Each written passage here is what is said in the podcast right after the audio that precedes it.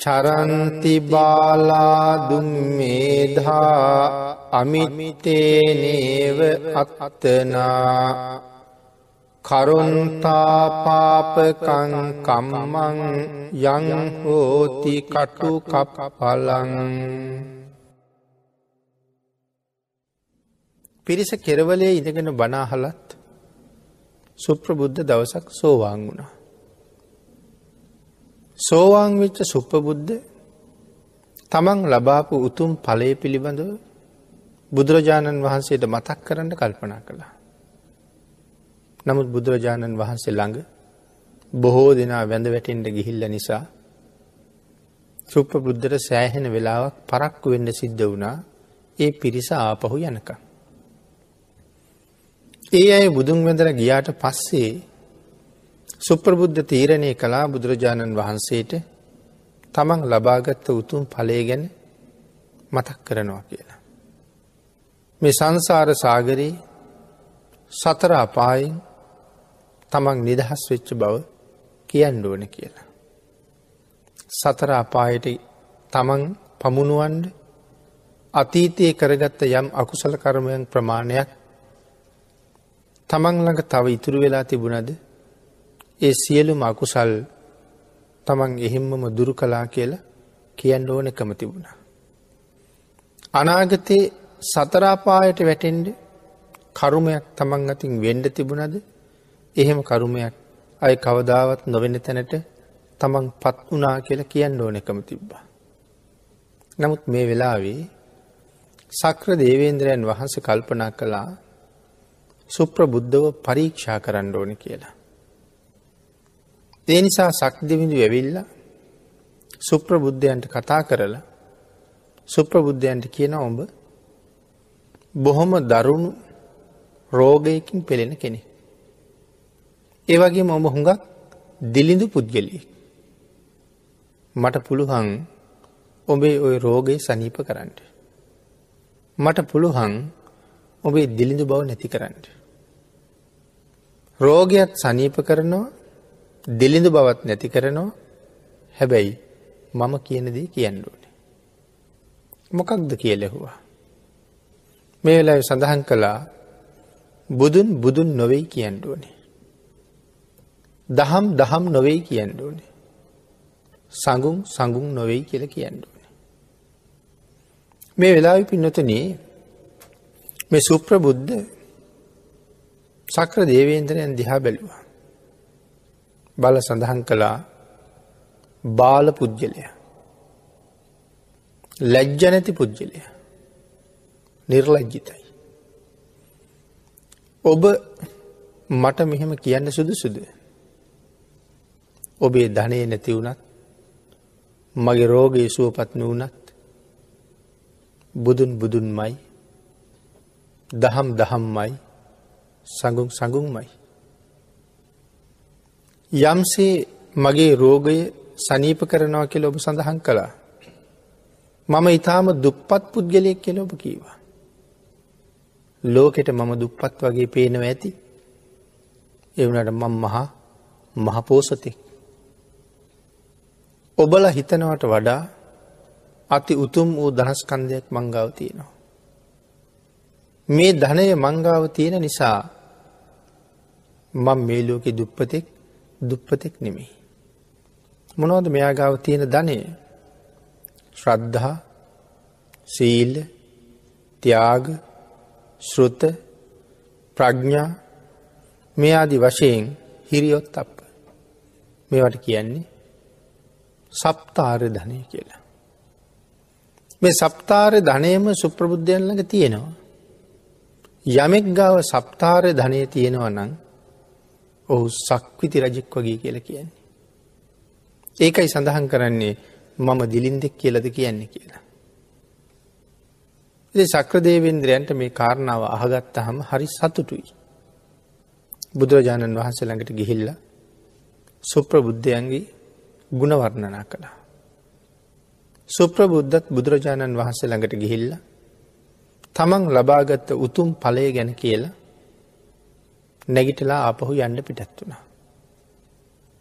පිනතුන මේ ලෝකෝත්තර සරණාගමනය උතුම් පලේ. අපි ගාව තියෙන සරණාගමනය ලෞකිකයි. මෙ ලෞකික සරණාගමනය මරණයත් එක්කම ඉවරයි. ඊළඟ ජීවිතෙන් අපි ආපහු සරණ යන්ඩෝනේ. සරණ යන්න පුළුහන් සම්මාධිට්ටික විපදුණු. මේ ජීවිතෙන් මැරිලා ඊළඟ ජීවිතයේ මිත්‍යා දෘෂ්ටික කුලේක ඉපදුණු එදාට තිසරණ අපි ගාව අපි ගාව නෑ. එනම් මේ ලෞකික සරණාගමනය මේ ජීවිතයට විතරයි. ඊළඟ ජීවිතෙත් මිත්‍යා දෘෂ්ටිකෙක් පුද්ගලයෙක් නොවෙන්ඩන. මේවාගේ මහපින්කං කරලා අපි විසින් ප්‍රාර්ථනාවක් ගොුණු කරන්න මෝනේ. ඒ ප්‍රාර්ථනාව තමයි මෙතැන් පටන් නිවන් දක්නා ජාති දක්වා. සම්මාධිට්ටික වන්නෙම් වා කියන ප්‍රාර්ථනාව කරන්නඩුවනේ. නිවන් දකිනතුරු මිත්‍යා දෘෂ්ටික කුලේක උපදින් එපා කියන ප්‍රාර්ථනාවයි තියෙන්නේ. මේ ජීවිතයේ මොන තරම් පින්කං කරගත්තත් ඊළඟ ජීවිතයේ මිසදිටු කුලේක උපදින්ට ලැබුණොත් පින පව ගැන හරියට දන්න ඇති නිසා කුසල් අකුසල් ගැන හරියට දන්න ඇති නිසා ඒ ජීවිතින් ඕන තරන් ආපහු පවුරැස් කරන්න පුළුවන්. එහෙම වුණොත් මේ සංසාරයේ තව කොයි තරන් ඈතර දික්වෙයිද. ඒ නිසා අරවිදිහ ප්‍රාර්ථනාවක් හරි වටිනවා. නමුත් ලෝකෝත්තර සරණාගමනය ඒක මරණයෙන් කෙරවල වෙන සරණාගමනයක් නෙමේ. ඒක නිවන් දකිනතුරු එහෙම්මමයි. මැරිලා ආය ඉපදුනත් සරණා ගමනේ තියෙනවා. සෝවාන් වහන්සේ අපවත් වෙලා නැවත ඉපදිච්චහම ආයෙත් මුල ඉඳල සෝවන් වෙනවා කියන කාරණාවක් නැහැ. ඒ සෝවාන් බව මේ ඉපදිච්ච කිරි දරුවටත් තියෙනවා. එයා වැඩිල්ල ලොකු මහත් වෙලා ඒ සෝවන් බව එහෙම්මම තියෙනවා. ඒ ජීවිතනුත් උත්සාහ කෙරුවොත් සෝවාන් බවෙන් ඉස්සරහට යන්ඩ යන්න පුළුවන්. ඉති සුප්‍රබුද්ධයන්ටන් ඒ තරන් උතුම් තැනකට ඇවිල්ල ඉන්නේ. නමුත් බුදුරජාණන් වහන්සේට කරුණු දක්වලා ගෙදර යන ගමන් තරුණ එල දෙනක් ඇනල මග මරණයට පත් වුණ. ඒ කාරණාව දැනගත්ත භික්‍ෂූන් වහන්සල ඇතුළු පිරිස් බුදුරජාණන් වහන්සේට සඳහන් කලා ස්වාමීණී සුප්‍රබුද්ධ මග මරණයට පත්වෙලා. එල දෙනක් තමයි අනින්නේ. නමුත් මේ එන්නේ යක්ෂණයක්. මේ වෙලාවෙ හැසිරෙන්නේ එල දෙනකගේ වෙස් අරගෙන. එතකොට සුප්‍රබුද්ධයන් මේ විදිහට යක්ෂණයක් එල දෙනක් විදිහට ඇවිල්ල ඇනල මරලදාන්ඩ සුප්‍රබුද්ධ සතු පෙර කරගත්ත කරුමයක් තව ඉතුරු වෙලා තියෙනවද. පිනතින ඒකටත් කරුණු කාරණා වෙනම බුදුරජාණන් වහස පැහැදිලි කළා. අපේ ශාසනයේ මේ විදිහට එල දෙනකගේ ප්‍රහාරයට ලක් වෙලා ජීවිතෙන් සමුගත්ත හතර දෙනෙක් ගැන සඳහන් කරනවා. එයින් එක්කෙනෙක් අනාගාමින් වහන්සේ නම. ඒ පුක්කු සාති මහරජ්ජුරු.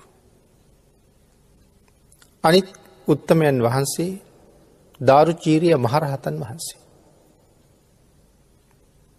ඊළඟ කෙනා තමයි සුප්‍රබුද්ධයන් සෝවාන් ආරයන් වහසනම.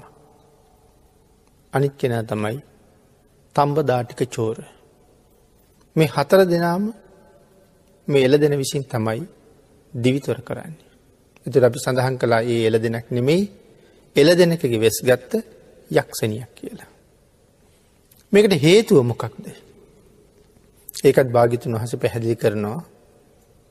පෙර හුඟක් ඈත භවයක මේ හතර දෙනාම එකට හිටපු යාලූ හතර දෙනෙක්. සිටු කුමාරවරු. හොඳට ධනය තිබුණා. මේ අය එක දවසක් කල්පනා කළා අපි උයනට ගිහිල්ල දවස පුරාම හොඳට විනෝද වෙමු කියලා. ඒ සඳහා ඔය මද්‍රව්‍යවාගේ දේවලුත් අරගෙන උයනට යන්න කටයුතු කරපු මේ අයි තීරණය කළා තනියම යනවට වඩා කාන්තාවකුත් හිටියොත් මේ ගමන විනෝදය තවත් වැඩී කියලා. ඒ නිසා මේ අය එක වෛශ්‍යයා ස්ත්‍රියකට මුදල් ගෙවල ඇය කුලියට ගත්තා. ඇත් එක්ක උයනට ගිහිල්ල දවස පුරාම කාලබිල්ල විනෝද වුණා. හවස ආපහු පිටත්වෙන්ට හදනකොට මේ හතර දෙනා කල්පනා කළා සාකච්ඡා කළා මේ කාන්තාව අපි එක් ආපු බව තවත් හුඟක් අය දන්නේ. අපි මෑ මරලදාම කියලා. මැය මරල අපි විසින් ගෙවාපු සල්ලිත් අරගෙන ඇය සතු යම් ආභරණ සමුදායක් තියෙනවනම් ඒ දේවලුත් අරගෙනයන් කියල සාකච්ඡා කළා. මේ ඇගේ කසුකුසු අර කාන්තාවට ඇහුණා. නමුත් ඇයට දැන් මරණයට මුහුණ දෙනව හැර වෙන කරන්න දෙයකුත් නෑ. ඒ වෙලා කල්පනා කළා මේවාගේ පාපිෂ්ට මිනිස්සු මං මරලදායි හැබැයි මම යක්ෂණයක් වෙලා ඇවිල්ලා උපදින උපදින භවයක් භවයක් ගානි උඹල මරණෝ කියලා. වෛරයක් හිතේ තියාගත්තා. අර හතර දෙනා ඇවිල්ල මේ කාන්තාව මරණයට පත් කළා. නමුත් හිතේ තිබිච්ච වෛරී චේතනාවත් එක්ක ඇ යක්ෂණයක්ම වෙලා ඉපදුනා. සංසාර මේ පළවෙනි වතාව නෙමෙයි තවත් නොයෙක් දහස් ගණන් ආත්මවල මේ යක්ෂණයකින් මේ විදිහටම මැරුම් කෑවා. නමුත් වෛරය කියන එක කොයි තරං භයානකද එහෙම මැරුම් කකා ඇවිල්ල හරි. බුද්ධාන්තර මුණගැහිලා නැවත නැවත පින්කරගෙන මේ අයි සංසාරයෙන් එතරට යන්න පාරහදාගත්තා. නමුත් වෛරය ඇය කොයි තරං සසර අතරමං කලාද මහරහතන් වහන්සේ ගහතනය කරපු නිසා ආනන්තරිය පාපකර්මයක් කරගත්තා. එහෙමනම් තාමත් අවීචී දුක්කිදිනවා. ඒ විතරක් නෙමෙයි තව අනාගාමීන් වහසෙනමක් ඝාතනය කරපු නිසා. එහි අකුසල කර්මය මෙච්චරයි කියලා නිමා කරන්න බෑ. සෝවා නාරයන් වහසේ සුප්‍රබුද්ධයන් ජීවිතක්ෂයට පත් කරපු නිසා තවත් මහාකුසලයක් රැස් කරගත්තා තම්බදාටික චෝරත් මරණයට පත් කළා. නමුත් අනාගාමින් වහන්සේ බඹලෝ ඉපදුන. මහරහතන් වහන්සේ සදහටම සංසාර හිරගෙදරින් එලියට ගිය. ඒවගේම සුප්‍රබුද්ධයන් දෙව්ලෝ ඉපදුන. තම්බදාටික චෝරත් සැරියොත් මහරහතන් වහන්සේට එදා දුන්න දානයේ අරමුණු කරලා දෙව්ලොව ඉපදුනා. නමුත් දිගින් දිගටම වෛරයක් පිරිමහන ඇය නිරයිප දෙනවා. එහෙනම් වෛරය කොයි තරං භයානකද කියන කාරණාවත් අපි හැමෝම කල්පනා කරන්න ඕනේ. දේශය මොන තරං භයානකද කියන කාරණාව අපි ආපහු සිහිපත් කරන්න ඕනේ. පිනතුන මේ කුෂ්ට රෝගයා දෙවලව ඉපදුනා කියල අපි සඳහන් කළා. නමුත් භික්‍ෂූන් වහන්සේලා නැවත ප්‍රශ්නයක් බුදුරජාණන් වහන්සේගෙන් අහනවා ස්වාමීනය ඔහු දෙව්ලොව ඉපදුනා. නමුත් මේ විදිහ කුෂ්ටරෝගයකට මූුණ පැවේයි. ඒකට අතීත හේතුවක් බුදුරජාණන් වහන්සේ පැහැදිලි කරනවා. පෙර තගරසිකී කියන පසේ බුදුරජාණන් වහන්සේ දැකළ දේශයක් ඇති කරගෙන කාරලා කෙළගහලා උන්වහන්සේට නින්දා කිරුවා. ආංගේ පාපයට නිරයේ දුක් විඳල විඳල විඳල. ඒ දුක ගෙවල මනුස්ස ලෝක ඉපදිලා නිරේදි ගෙවින් නැතුව ඉතුරුවෙච්ච අවශේෂ අකුසලයාගේ විපාකයක් හැටියට තමයි මේ පිළිකුල් සහගත කුෂ්ටරෝගයකින් ඔහු පීඩා විඳින්න කියලා. එතකොට මේ කතාව ඇතුළි ආර්යන් වහන්සේලාට නින්දා කරපු නිසා. සංසාරය ඔහු විඳපු දුක්කන්දරාව. නිරයත් වින්ද මනුලෝ ඉපදිලත් විඳිනවා. එතකොට සසර කරගත් අකුසල කර්මයක් නිසා නොෙක් සිය ගණන් ආත්මවල අර යක්ෂණයගෙන් මැරුම් කෑවා. එතකොට මේ අකුසල ධර්ම කියන දේවල් සසර කොයි තරන්නම් අපිට විපාක දෙනවද අපි අසරණ කරනවද අපින් පලිගන්නවද කියන කාරණාවල් මේ කතාව ඔස්සේ අපිට මනාව පැහැදිලි වෙනවා. මේ සියලුම කරුණු එකතු කරගෙන තමයි අපි භාගිතුන් වහන්සේ මුලින් අපි සඳහන් කරපු ගාථාරත්නය දේශනා කොට වදාලි. මේ කරුණු සමුදාය පෙළගස්වලා තමයි මෙවන් ගාථාරත්නයක් දේශනා කරන්න හේතුවෙන්ට යෙදනි. චරන්ති බාලා දුම්මේදා අමිත්තේ නේව අත්තනා. කරොන්තා පාපකංකම්මං යං හෝති කටු කප්පලන්. සඳහන් කළේ දෙලොව වැඩ නොදන්නා අඥ්ඥානයෝ යම් පව්කමක් සිදු කරන්නේද.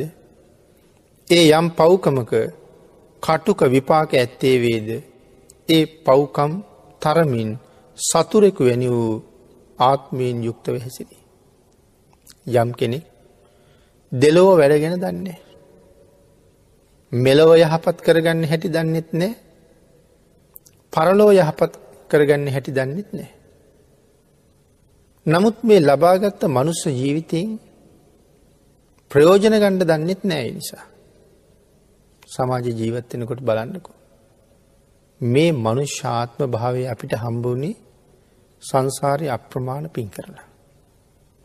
නිතර නිතර ධර්මශ්‍රවණය කරන්න නිසා අපි පින්නතුන් දන්නවා මනුස්ස ජීවිතයක් ලබන්ඩ අපි කළ යුතු විශේෂිත පින්කමක් තියෙනවා. ඒ පින්කම තමයි සිල් රකින එක. අහස උසට දන්දුන්නත් මේවාගේ උතුම් මනුස්ස ජීවිතයක් ලැබෙනව කියලා බුදුරජාණන් වහස කොතනවත් දේශන කරලා නෑ. දිව්‍යමය ආත්මයක් ලබනවා කියල දේශනා කරලා නෑ දානය තුළින්. එහනම් සීලය තුළින් තමයි මේ ජීවිතෙන් සමුගන්න පුද්ගලයා ආය උපද්ධවන්ඩ ඕනි කොතනද කියන කාරණාව තීරණය කරන්නේ. හොඳට සිල් තිබුණනන් හොඳ උසස් ආත්මයක් තීරණය වෙනවා. දානය විසින් කරන්නේ ඉපදුන පුද්ගලයට ලැබෙන්ඩෝනෙ මොනවද කියන එක තීරණය කරනවා. මේ දෙක මේ පින්නතුන් මනාව ජීවිතය තේරුම් අරගණ්ඩෝනේ. දානයෙන් කරන්නේ ඉපදුනාට පස්සේ ලැබෙන දේ තීරණය කරනවා සීලයෙන් කරන්නේ මේ ජීවිතයේ මරණයෙන් පස්සේ මොහු උපදින්න කොහෙද කියන කාරණාව තීරණය කරනවා. එතකොට අපි ගාව ඒ තරං ශක්ති සම්පන්න සීලයක් ගුණයක් නැත්තන් බලාපොරොත්වෙන තැනට යන්ඩ බැරුව යනවා. තෙරිසං ආත්මෝල ඉපදිලා නමුත් දන්දුන්න නිසා ලැබෙන්ඩ පටන් ගන්නවා. මේ කරුණු ධර්මදේශනාවලින් ඕන තරන් අහල තියෙනවා ඔය ජානුස්සෝනී කියන සූත්‍ර දේශනාවේ එහෙම බුදුරජාණන් වහස පැහැදිලි කළා සුනකයෝ වෙලා ඉපදෙනවා. අස්සයෝ වෙලා ඇත්තු වෙලා වෘෂභයෝ වෙලා වගේ උප්පත්තිය ලබනවා. හැබැයි පුදුමාකාර සැපවත් ජීවිතය. හැම සුනකයටම සැපවත් ජීවිතයක් නැහැ.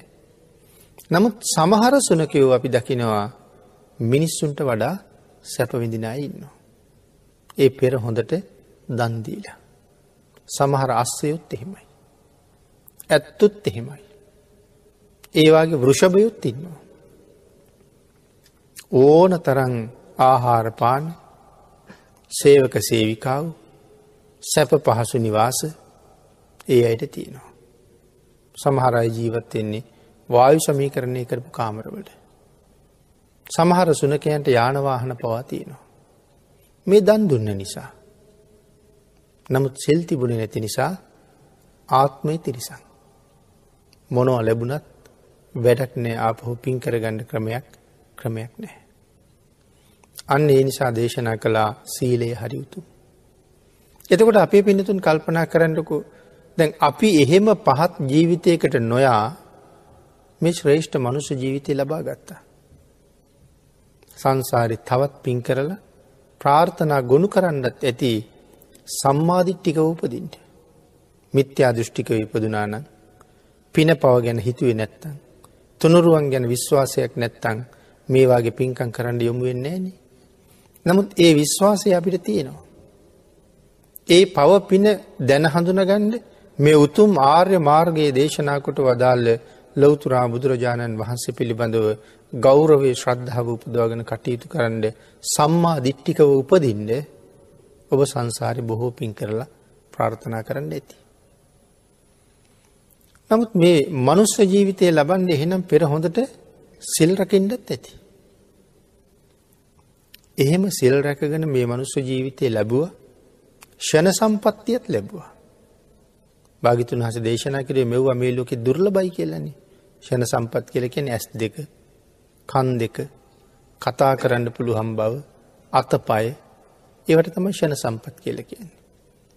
මනුස්ස වෙලා ඉපදුනත් හැමෝටම ඒ දේවල් නෑ.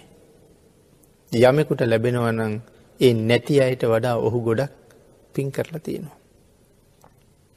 එනම් දැන් අපි කොයි තරං පින් කරන්න ඇද්ද මොන තරං සිල් රකිින්ට ඇද්ද මේ මනුස්ස ජීවිතය ලබන්ට. හැබැ පිඩතුන අපි එහෙමත් කියනවා. මෙහෙම ඉන්න අපිට තේරෙනවා අපිට වඩා පින් කරලා මනුස්ස ලෝක ඉපදිච්ච තවත් අය ඉන්නවා කියලා. අපිත් මනුලව උපදින්න පින් කලා සම්මාධිට්ටික වෙන්ඩ ෂණ සම්පත් ලබන්ඩ පින් කලා හැබ අපිට වඩා පින් කරපු අයත් මෙලෝක ඉන්නවා. අපි බොහොම පින් කරලා මනුස්ස ජීවිතයක් ලැබුව කියල කීවට අපේ පින්නතුන්ට වඩා හුඟක් ශක්තිමත් අය මේ ලෝකෙ නැද්ද. එහෙනම් ඒගොල්ලු තරම් ශක්තිමත්වෙන් අපි පින් කරලා නෑ. එතකොට ඔබට වඩා පොහොසත් අය මේ ලෝකෙ නැද්ද. එනම් ඒගොල්ලු තරම් පෝසත්වෙන් අපි පින් කරලා නෑ. අපිට වඩා ලස්සන අය මේ ලෝකෙ නැද්ද. ඒගොල්ලො තරම් ලස්සන වෙන්න අපි පින් කරලා පින් කරල නෑ. එනම් ඒගොල්ලො අපිට වඩා පින් කරලා තියෙනවා. එහෙනම් අපි සසර පින් කලා මදි කියලම මදි කියලම තමයි හිතන්ඩෝනි. අනිත්තක පින්නතුනී පින් කරලා මේ ජීවිතය ලබාගත්තත් අපි ආපහු ආපහු මේ සංසාරි කෙරවලක් දකිනකං කුසල් රැස් කරන්න වෙනවා. පෙර කරපු ටික මදි. මේ කරන්නේ පෙර කරපු ප්‍රමාණය බුක්ති විඳිනවා. මනුස්ස ජීවිතය අරගන්න හුඟක් වියද. ෂණ සම්පත් ලබන්ඩත් හුඟක් වියද. ඒ වියදැන් කළේ පෙරපින්. නමුත් තව ඉතුරු වෙලා තියෙනවා ඒ හින්ද මේ ජීවිතය අපි තාම කාටවත් අතපාණ්ඩ ගියනෑ. තාම බොහොම දරුණු රෝගාබාදවලට ගොදුරුනෙත් ගොදුරුනෙත් නෑ. ප්‍රාණවල් හතා කුසල් එහෙම අඩුවෙන් කරගත්ත නිසා තවම අකාලි මැරුණේ නෑ. හැබැයි හෙට වෙනකොට මොනවවේදි කළ විශ්වාසත් විශ්වාසත් නෑ. කරගත්ත අකුසල කර්ම ඕන තරන් තියෙනවා. තව විපාක දුන්නේ නැති එකයි තියෙන්නේ. කෙනෙක් වතුර ගිල්ල මැරෙන්ඩත් පුළුවන්. පස්කන්දකට යට වෙලා මැරෙන්ඩත් පුළුව. වාහනයකට යට වෙලා මැරෙන්ඩත් පුළුව. එක්කො ගහකින් වැටේ නැත්තන් ගහක් ඇඟට වැටෙයි එහෙම මැරෙන්ඩත් පුළුව. කෙනෙක් කපල කොටල වැඩි තියල මරලදාන්නත් පුළුවන් හෙට දවස අද මේ මොහොතින් පස්සේ මොනවාගේ තත්ත්වකට මූුණපාණ්ඩ මල්ට පෙර කරගත්ත කරුම විපාකයන් විපාක දෙන්න ලෑස්ති වෙනවද කියන කරුණු එකක්වත් එකක්වත් අපි දන්නේ නෑ. නමුත් අපි තාම හොඳට ඉන්න. ඊළඟ මොහොත තුළ තියෙන්නේ අවිනිශ්චිත බවක් නං මම අවිනිශ්චිත මොහොතට මුණ දෙන්න ලෑස්තිද කියල හිතන්නුවන. ඒ කියන්නේ මේ වෙනකොට කොයි තරං දුරට මං කුසල ධර්මයන් සම්පූර්ණ කරලා තියෙනවාද. මේ ජීවිතයේ මෙහෙම හොඳයි කියල හිතුනට අපේ පින්නතුන් දන්නවා තම තමන්ගේ ජීවිතවල මොනතරං දුක් තියෙනවද කියලා. මොනතරං කරදර තියෙනවද කියලා. මේ තියෙන අඩුපාඩු කොච්චරද කියලා. ඒ අඩුපාඩුත් නැතුව මානසික වේදනත් නැතුව කායික වේදනත් නැතුව තවත් නොයි කරදරකම් කටලුත් නැතුව ජීවත්තෙන්ට තිබුණනං අපි හැමෝම හැමෝම කැමති. නමුත් එහෙම නොවෙන්නේ අපි පින් කරලා මදි නිසාමයි. මීට වඩා දුක්කරදර කම්කටලු රෝගාබාධවලින් තොරවෙච්ච ජීවිතයක් අනාගතයට බලාපොරොත්තු වෙනවනං.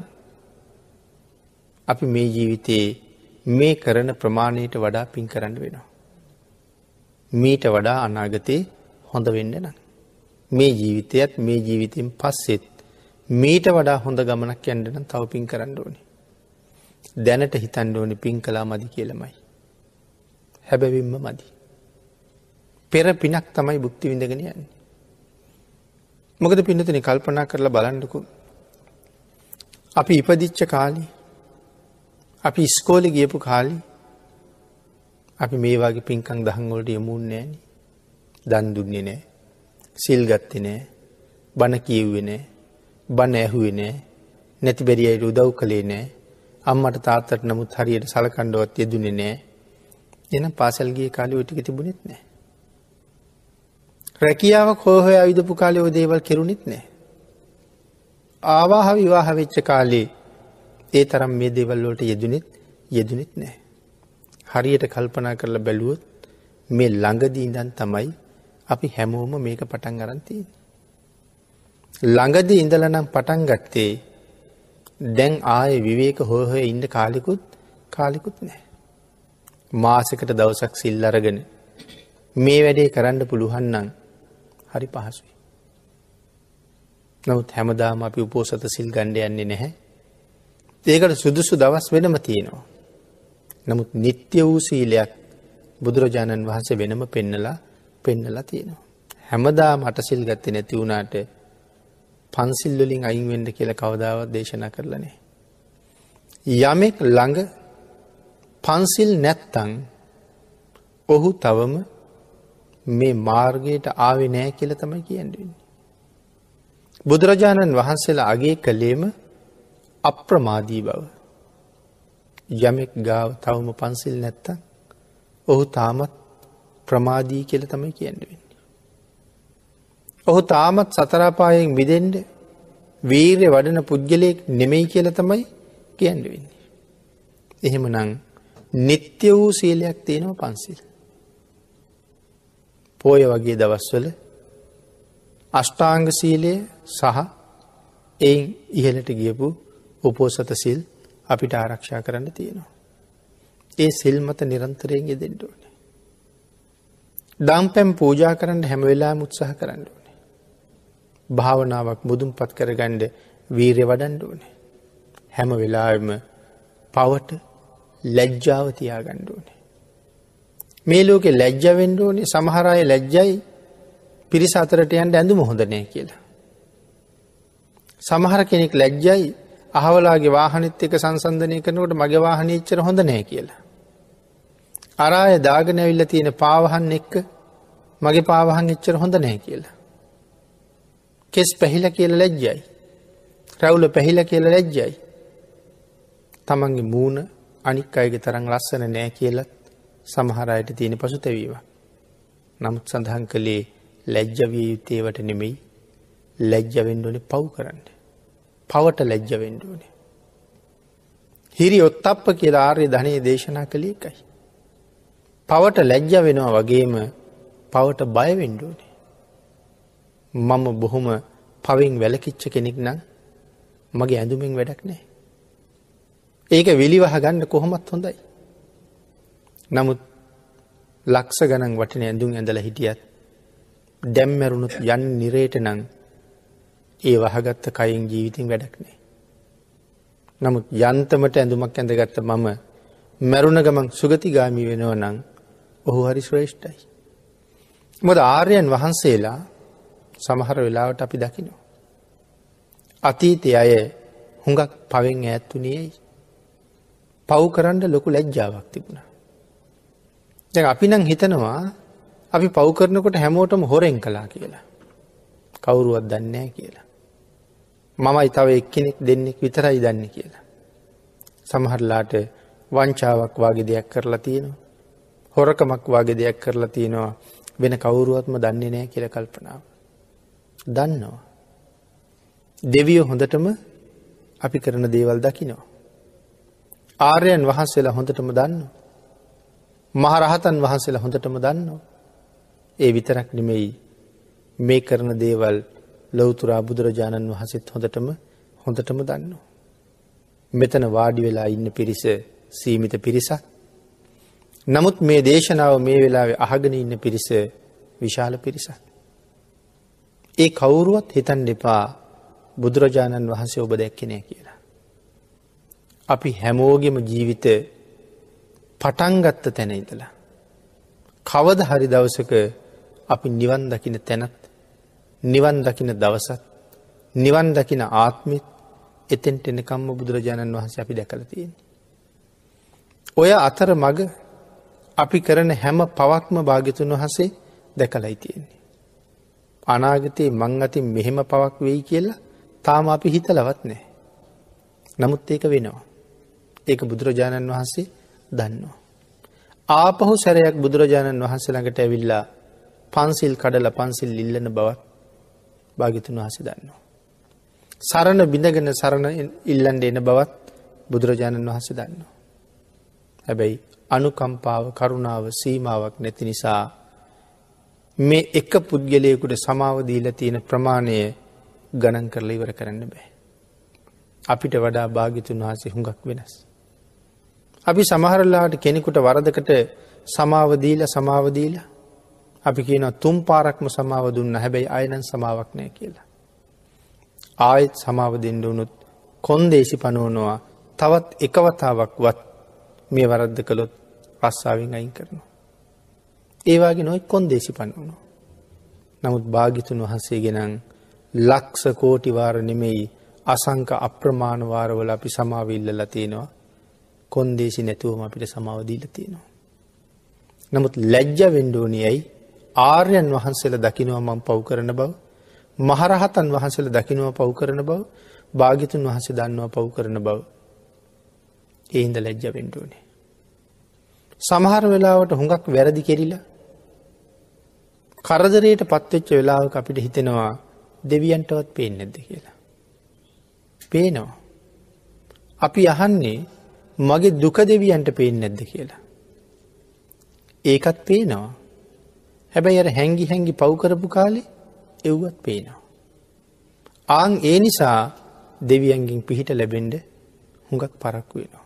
මොකද අපි කරන හොඳ වැඩෙත් දැකල තියෙනවා අපිට වෙලා තියෙන කරදරෙත් දකිනවා අපි එතෙක් ජීවත්තච්ච හැටිත් හැටිත් දන්නවා.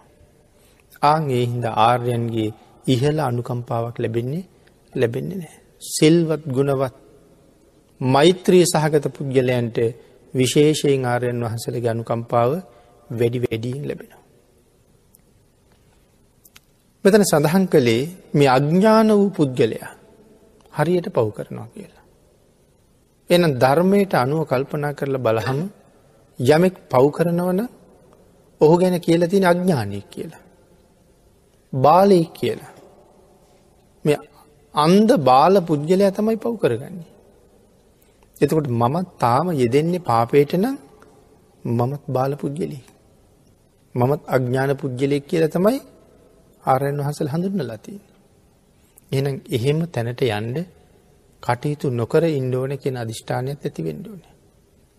අපි මුලින් කතා කලා මේ ජීවිතය ලැබුණි සංසාරය හුඟක් පින් කරලා කියලා. නමුත් මේ ගාථාරත්නය සඳහන් කරනවා මේ අඥ්ඥාන පුද්ගලයා ඔහුගේ අඥ්ඥානකම නිසාම තමන්ගේ ආත්මය තමන්ටම හතුරෙක් බවට පත් කරගන්නවා කියලා. මේ ජීවිතය තමන්ට හතුරෙක් කරගන්න.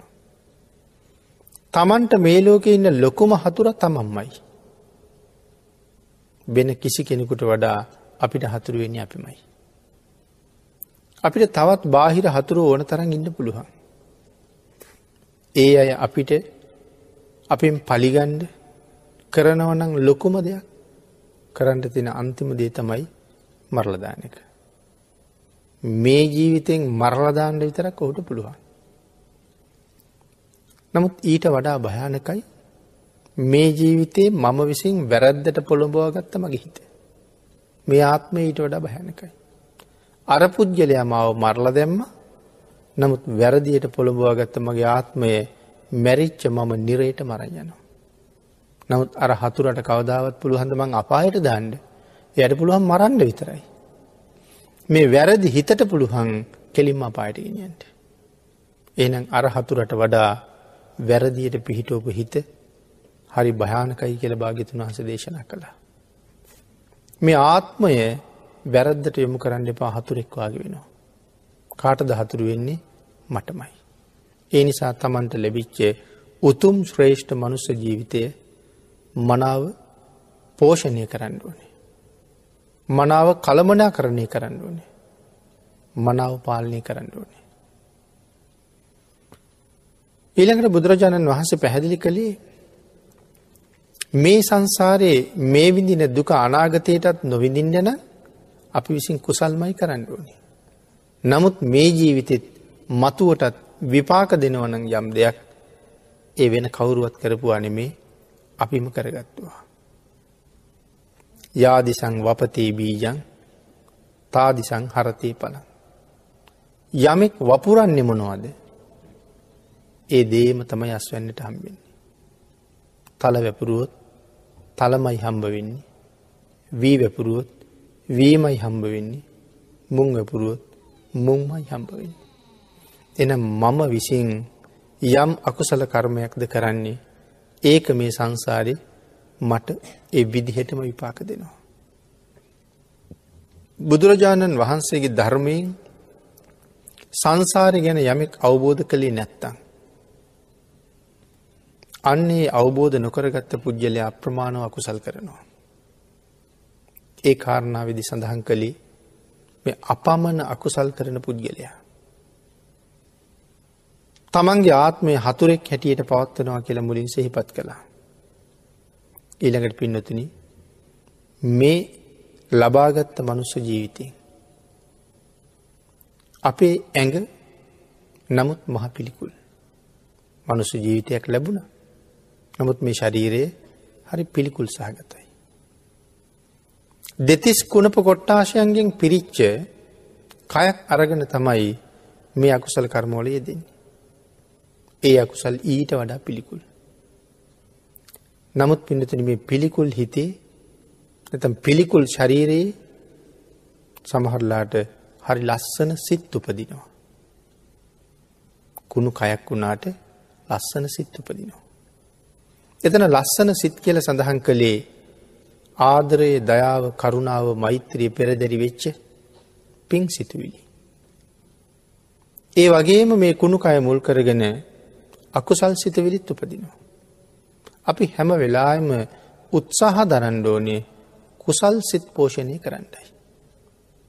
නමුත් සාමාන්‍ය සමාජයේ දිහා බලහම සාමාන්‍ය මිනිස්සු කුසල් සිත් පෝෂණය කරනවට වඩා අකුසල් සිත් පෝෂණය කරන්න හරි කැමති. සංසාරි කියල කියන්නේ ලෙඩක් වගේ. එක සුව නොවෙන රෝගයක් වගේ. හැබැයි ලෙඩෙකුට අපි කරන්න ඕනි ලෙඩේ සනීප වෙන්න බේත් කරන එක මිසක් ලෙඩේ උත්සන්න වෙන්න බේත් කරන එක නෙමි. එන ලෙඩා සුවපත් කරන්න බෙහෙත් කරනවා වගේ අපි හැමෝම මේ ජීවිතෙන් කරන්න ඕනි සසරින් එතර යන්න කටයුතු කරන එක මිසක් නැවත නැවත සංසාරයේ තව තවත් අතරමං වෙන්න කටයුතු කරන එක නෙමේ. පෙර අපි කරගත් අකුසල ධර්මයන් ඕන තරන් තියෙනවා. ඒ අපි මුලිනුත් සෙහිපත් කළා. ඒවට අපි මොකද කරන්න ඕනේ. ලෙඩාට ප්‍රතිකාර කරනවා වගේ පෙර අකුසල්ලෝටත් අපි ප්‍රතිකාර කරන්න ඕනේ. මොනවද ප්‍රතිකාර කරනවා කියල කරන්න තියන්නේ. අන්න බුදුරජාණන් වහන්සේ පෙන්නුම් කරල දෙනවා. දස පුුණ්‍ය ක්‍රියාව ජීවිතය සම්පූර්ණ කරන්න ඕනේ.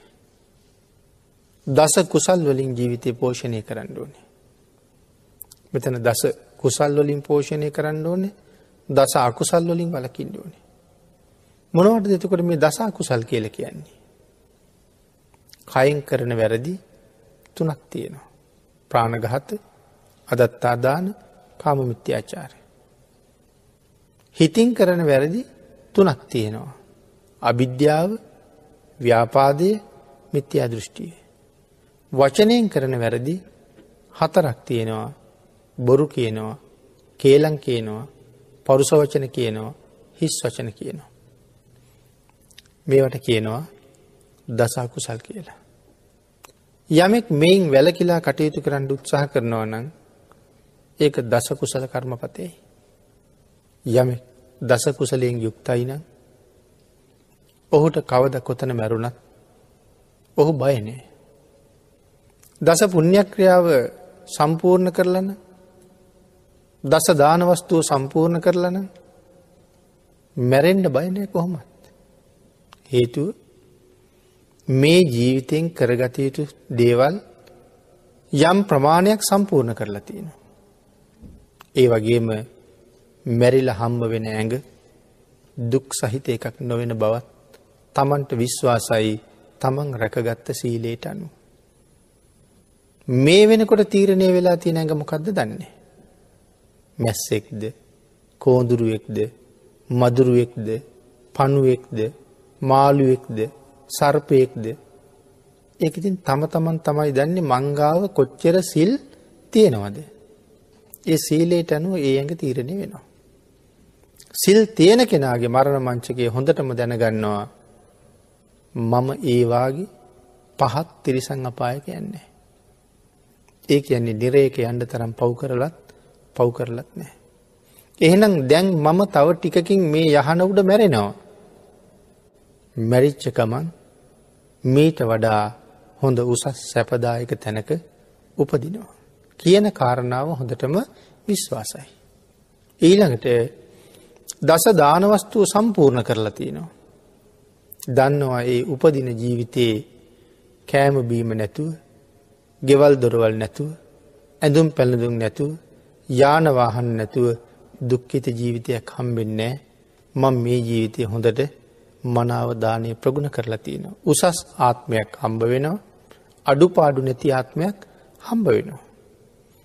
දැන් එහෙම හිතන්ඩ ශක්තිය තිබුණ කෙනාට මරණය ගැන බයක් ඇතිවෙනවාද. මරණය ගැන දුකක් ඇතියෙනවාද කවදාවත් නෑ මේ ඉන්න තැනට වඩා හොඳ තැනකට නං යන්නේ හරි සතුරින් එතෙන්ට යන්න පුළුහංකම තියෙනවා. එහෙමනම් මේ ජීවිතය තුළ අපි පෝෂණය කළ යුත්තේ එවන් උදාර ජීවිතයක්. එවන් ශ්‍රේෂ්ඨ ජීවිතයක්. ඒ වගේම පිනතුනේ බුදුරජාණන් වහන්සේ අපෙන් බලාපොරොත්තු වෙච්ච දෙයකුත් තියෙනවා. අපිට මේ කරුණු කියලා සතරාපායෙන් බේරලා සංසාරයෙන් එතර කරවන්ඩ දුක්වින්දි භාගිතුන් වහසමයි. මහබෝසත් කාල ඉඳලා දීපංකර භාගිතුන් වහසගේ පාදමූලයෙන් බණපද දෙකක් අහල ලබන්ඩ තිබිච්ච නිවනත් තැරලා මහාකල්ප අසංක්‍ය හතරයි ලක්ෂ එක පාරමිතා සම්පූර්ණ කරලා මෙලොවතුරා බුද්ධත්වය හොයාගත්තේ. ඒ අති උතුම් ලොවතුරා බුදු බව සොයාගත්ත. ඒ මහශ්‍රේෂ්ඨ උත්තමයන් වහන්සේ අපි කෙරෙහිත් බලාපොරොත්තුවක් තියල තියෙනවා කියලම මතක් කළේ. මාරයක් ඊ පාරක් ඇවිල්ල ආරාධනා කලාද ගිහිගෙයින් අභිනිෂ්ක්‍රමණය කරන වෙලාවෙත් මතක් කළා. මේ රජ සැපදාල යන්ඩිපා කියලා. නමුත් මාරයගේ කියම නැහුයි නෑ. අවුරුදු ගණනාවක් පිටිපස්සෙන් හිටියා රාග සිතක් දේශ සිතක් මෝහ සිතක් දැක්කොත් අල්ල ගන්න කියලා. බැරි වුණා. දුෂ්කරක්‍රියා කරන මුළු කාලි පුරාම හොයාගණ්ඩ බැරිවිච්ච රාග දේශ මෝහ ලොවතුරා බුදුන් හම කොහොමත් හොයන්ඩ බැරි බව දන්නවා.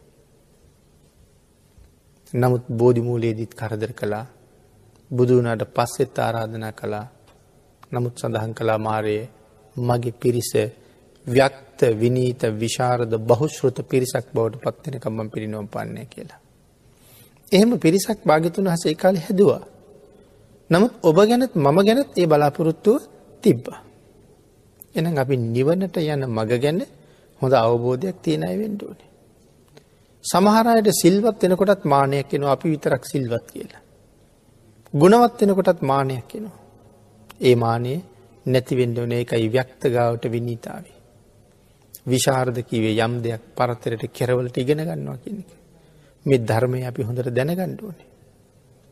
බහුශෘත කිවේ බොහෝ දේවල් දන්නවා කියන එක. එහෙම වෙච්ච මිනිස්සු මරන්ඩ මාරයටත් ලොකු ප්‍රශ්නයක් වෙනවා. ඇයි එහෙම ව්‍යක්ත විනීත විශාරද බහුශ්ෘතයෝ මේ ලෝක ඉතුරු කෙරුවොත් එහෙම මේ ඉන්න පිරිසෙන් විශාල පිරිසක් මාරයගේ මල්ලෙන් එලියට අදිනවා. ඒ හින්ද මේගොල්ලු තියලත් බෑ. හැබැයි මරලත් බෑමකද මැරුවොත් ඒ පුද්ගලයා ඊට වඩා ප්‍රබල තැනක ඉපදිලා කරගනාව වැඩේ ඊටත් වඩා හොඳට කරනවා. එහින්ද මරලත් බෑ. මාරයත් සෑහෙන ප්‍රශ්නකට තමයි එදාට මුණ පාන්නේ. ජීවිතයේ ගොඩන ගණ්ඩුවනේ තින්ට. ධර්ම දේශනාවට තියෙන කාලය ඉවර වෙලා නිසා අපි මේ දේශනාව මෙතනින් ඉවර කරමු. මේ බාල පුද්ගලය අඥ්ඥානය පාපයට යොමු වෙලා පෙර පින නිසා ලබාගත්ත තමන්ගේ ආත්මය තමන්ටම හතුරෙක් බවට පත් කරගන්නවා කියලා මේ ගාතාරත්නය මතක් කළේ හැම කෙනෙක්ම කල්පනා කරන්න ඕන මමත් පෙරපිනෙන් ලැබූ මගේ ආත්මය මට හතුරෙක් හැටියට ක්‍රියාත්මක කරවනවාද කියන ප්‍රශ්නයට උත්තරයක් හොයාගන්න උත්සාහ කරනවා නම් අපිට ජීවිතයේ සෑහෙන ගමනක් යන්න පුළුවන්. එතෙන්ට යන්ඩ තුනුරුවන්ගේ අනන්තාශිරුවාදයෙන් ශක්තිය දහිරිය භාග්‍ය වාසනාව උදාවේවා කියලාශිර.